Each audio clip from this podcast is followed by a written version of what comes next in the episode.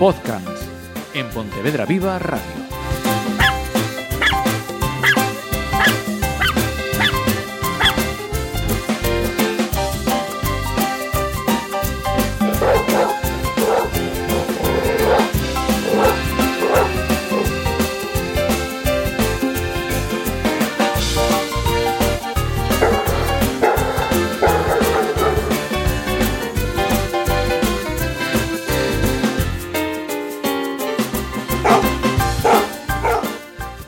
Buenas a todos y todas las que nos escucháis desde Pontevedra Viva Radio. Arrancamos eh, una nueva edición del programa Podcast que, como sabéis, dedicamos a los perros. Está con nosotros, como siempre, nuestro asesor de cabecera, Diego. Muy buenas. Vamos a hablar hoy de un tema eh, con el que también pregunta mucha gente, que es el tema de las razas de los perros. Correcto, ¿no? el polémico tema de, de las razas, exactamente. Polémico, ¿por qué? Empecemos por ahí. Eh, a ver, antes de nada quería, quería aclarar unas cosas para que nadie se sienta ofendido y el que se sienta, pues, ¿qué le vamos a hacer? Eh, para empezar, no todos los criadores, que hablaremos de, de cría de perros, son peseteros, es decir, los hay que sí que se dedican a la cría pues porque aman esa raza y lo hacen de forma, de forma lógica y que no todos los guías son dueños. Aquí muchas veces eh, distingo el tema de, de guía eh, porque yo me considero un guía de bella, no soy su dueño, es un ser vivo, entonces hay que distinguir bien eso. Por otro lado, eh, eso, no, no voy a señalar a nadie en concreto, sí a determinados estamentos que creo que lo está, la están cagando por todos los lados, pero na- no a nivel particular. Eh, tampoco vamos a entrar en, profundidad en tema de genética, las leyes de Mendel están ahí, el que quiera saber más que estudie biología y listo. Y mm, eh, obviamente eh, daré mi punto de vista, no, eh, lógicamente el que habla soy yo, no voy a dar el punto de vista de otro, daré mi punto de vista, pero como, como soléis saber, eh, dando datos objetivos de por qué, por qué considero que, que eso es así. El tema de las razas es polémico, polémico pues mira, eh, el perro hoy en día es eh, la especie que con más diversidad en forma, carácter, tamaño, de cualquiera de, de- de- de los animales que hay en, el planeta. Y sin duda eh, eso se debe a, a que el ser humano ha intervenido desde la domesticación y tal, eh, y lo ha hecho pues por lo general de forma muy, muy desastrosa.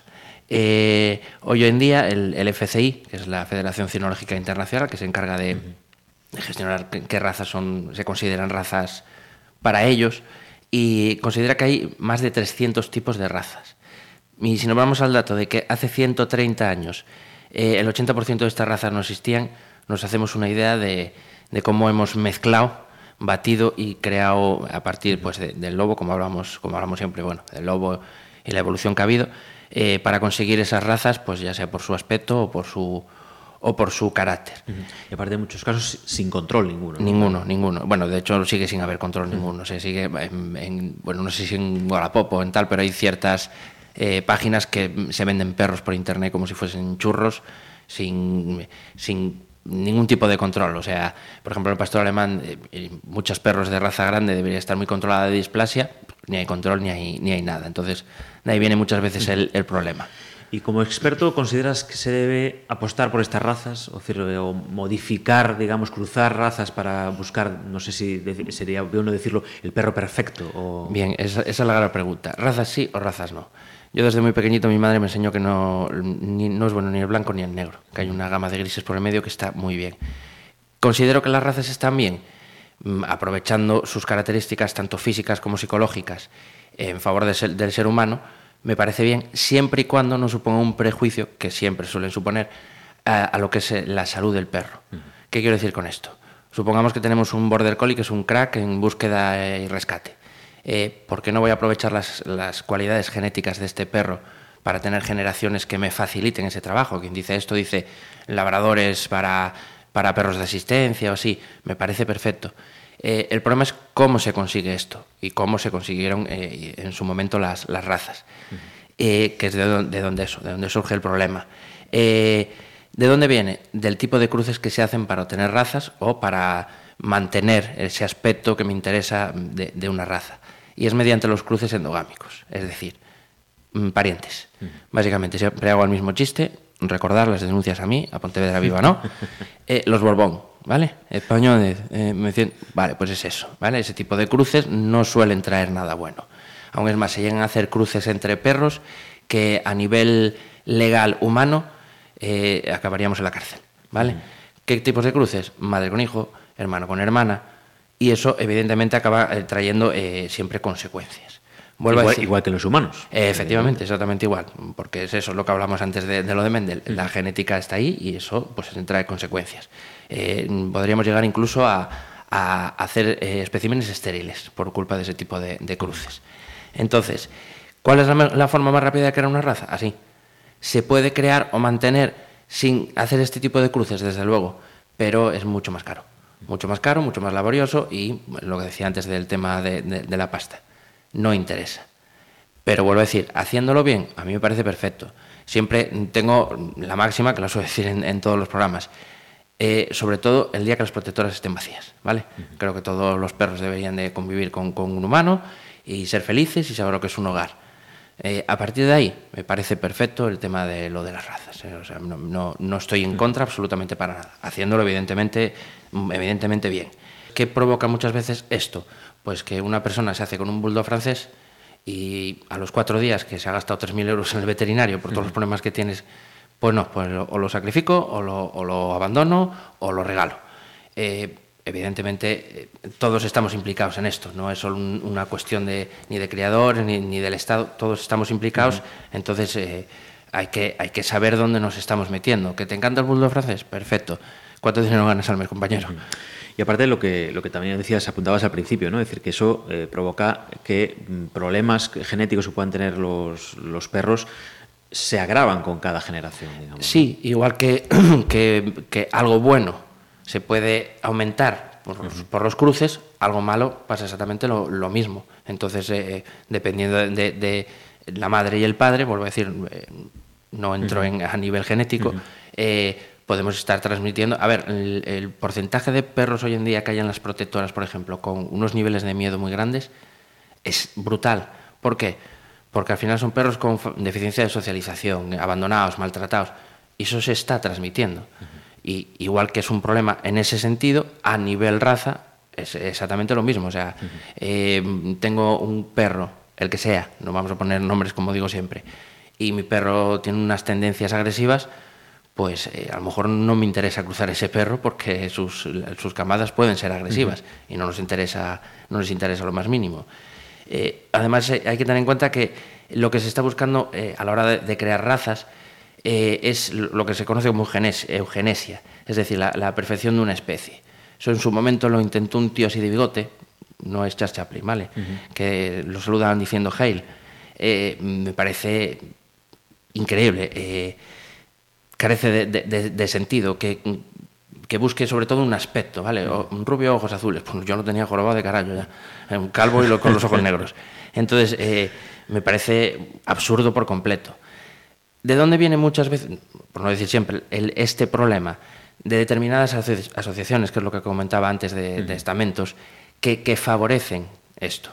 Eh, entre ellas están pues, el Kennel Club y el FCI.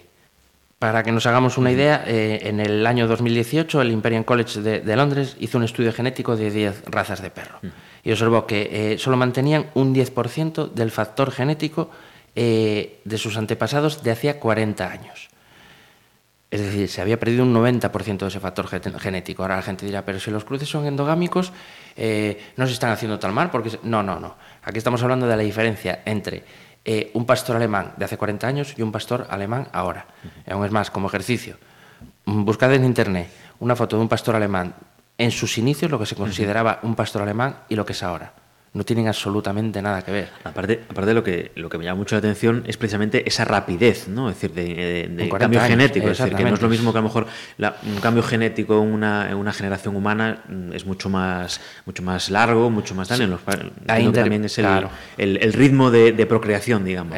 Interviene mucho que, que el tiempo de, embarazo y, y de, tiempo de vida es mucho más corto los perros, entonces es, mucho más rápido. Así estamos hablando de, espacios de tiempo cortísimos, vuelvo a decir, por culpa de, la intervención del ser humano. Eh, eh, el principal origen probablemente de todo esto sea lo, que se conoce como concursos de belleza y concursos eh, deportivos de, perros.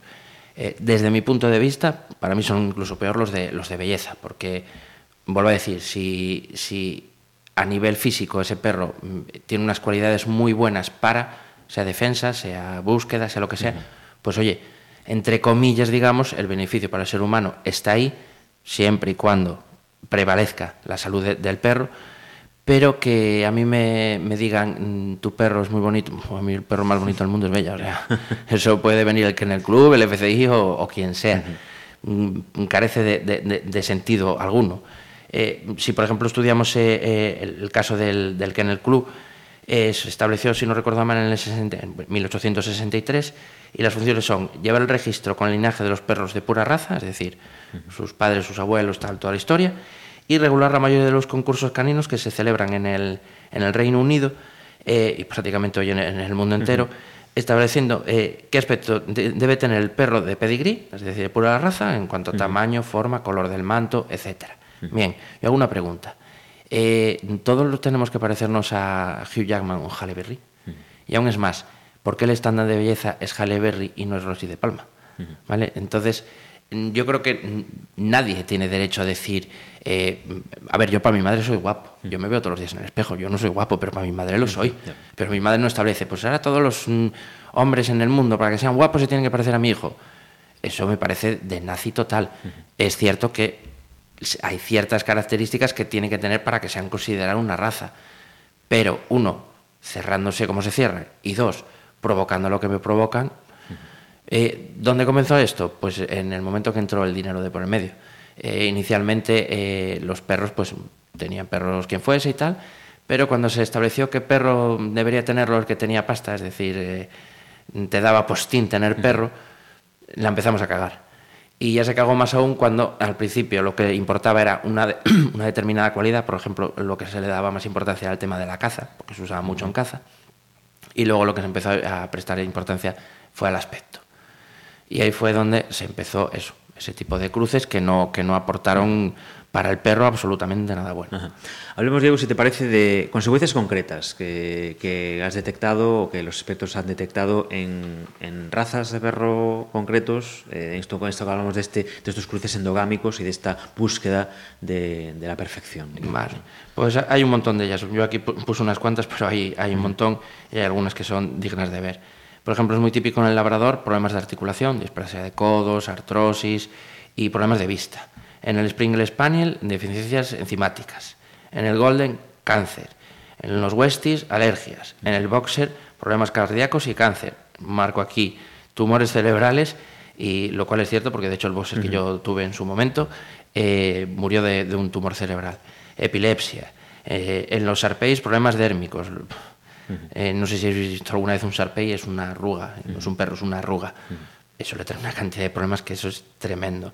Y con el tercer párpado este, bueno, es increíble. Pastor alemán, displasia.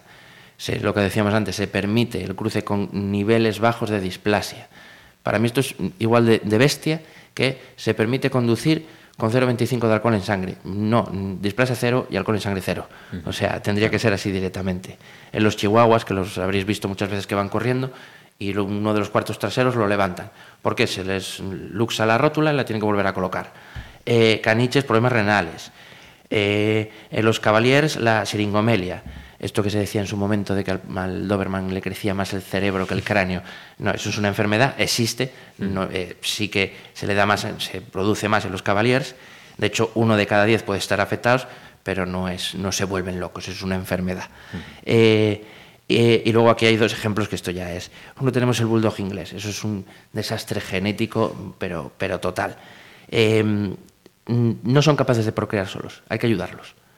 Y luego a la hora de dar a luz, eh, siempre hay que hacer cesárea. Si no recuerdo mal es porque el tamaño de la cabeza es tan enorme que destrozarían a, destrozarían a, la, a, la, madre.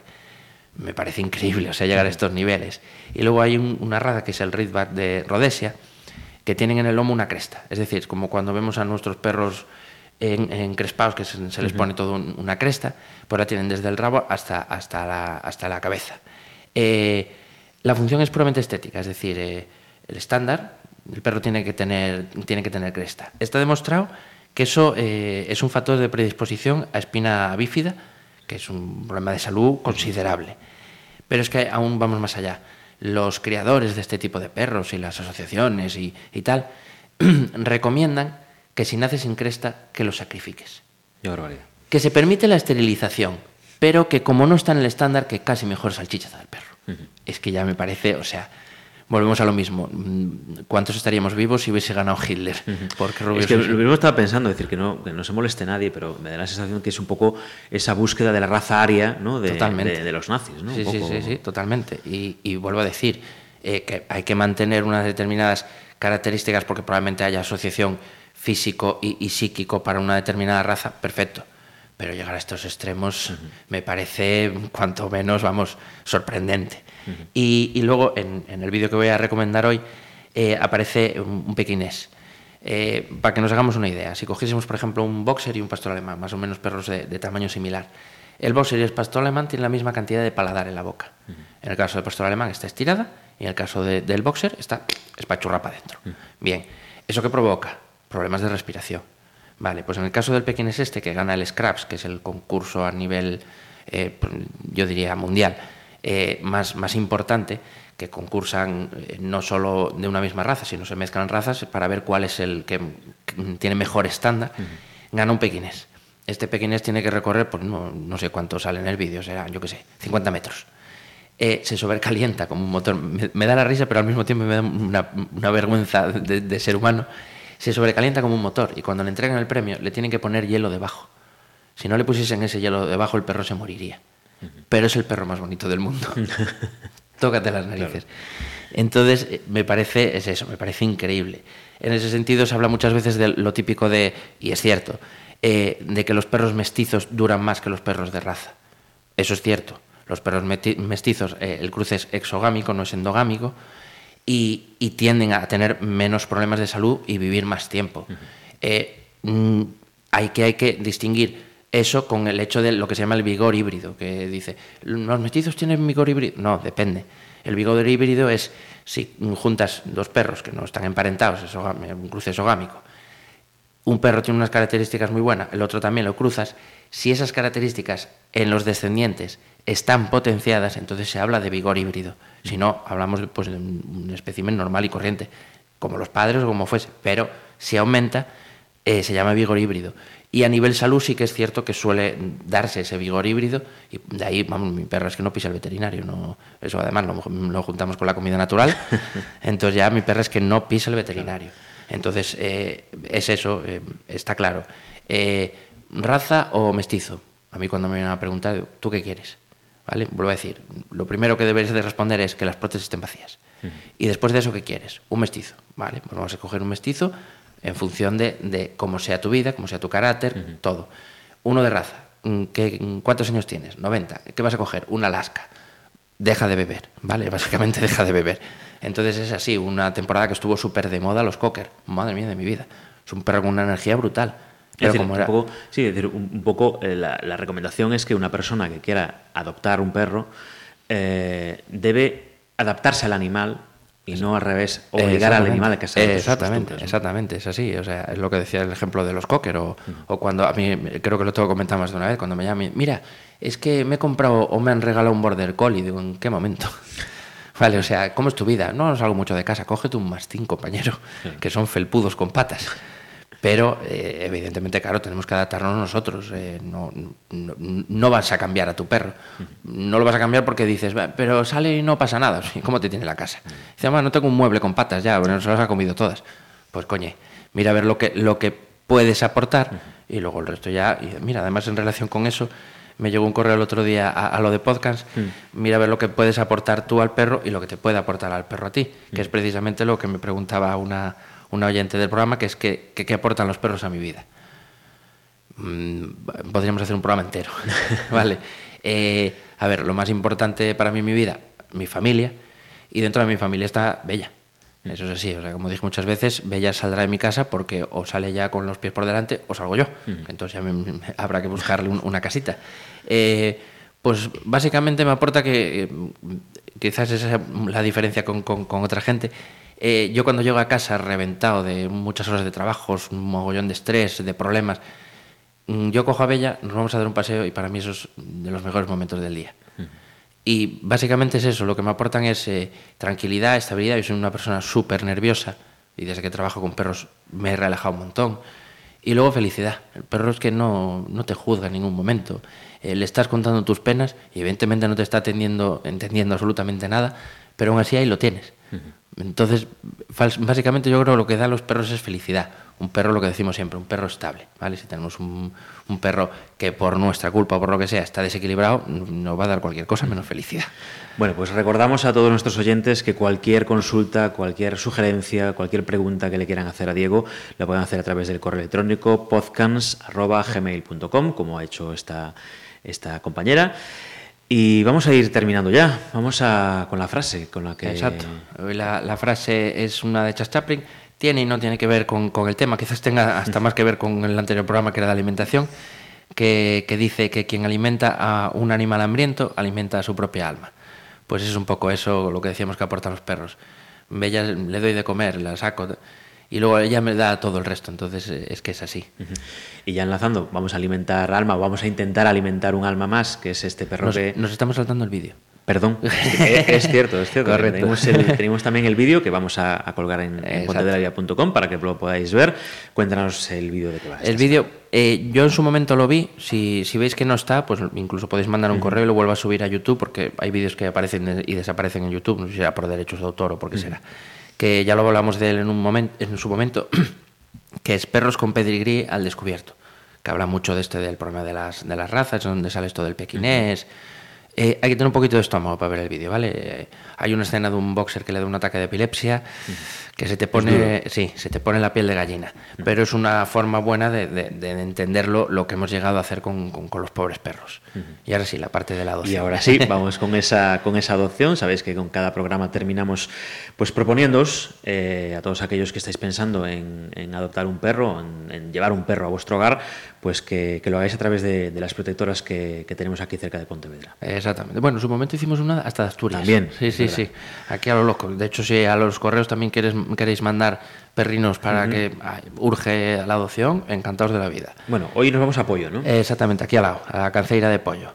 Tenemos a, a Choco, eh, es un perrín de un añito, muy sociable con perros, de hecho eh, creo que se pasa de sociable, o sea, quiere jugar a todas horas y ya se ha llevado más de un susto porque debe de andar muy justito de comunicación y entra a lo burro y se ha llevado más que un, más que un susto.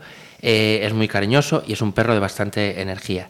Si no recuerdo mal, está clasificado, lo de siempre, no estoy de acuerdo, pero lo digo para la gente que sea consciente de, de que implican un seguro y todas estas uh -huh. cosas, está clasificado como, como PPP. Eh, pero vamos, por lo que me tienen comentado, eso de PPP debe tener lo mismo que tengo yo. Y es eso, pertenece, pertenece vive. En la canceira de pollo, el teléfono que luego lo, lo pondréis es uh -huh. 620 14 60 33. Bueno, pues a ver si podemos ayudar a que Choco encuentre ese hogar que, que merece, necesita y, y, bueno, pues a ver si podemos echarles una mano. Diego, muchas gracias. Gracias a vosotros, como siempre. Como siempre, como dices, volvemos dentro de 15 días con más podcasts. Muchas gracias. Hasta luego.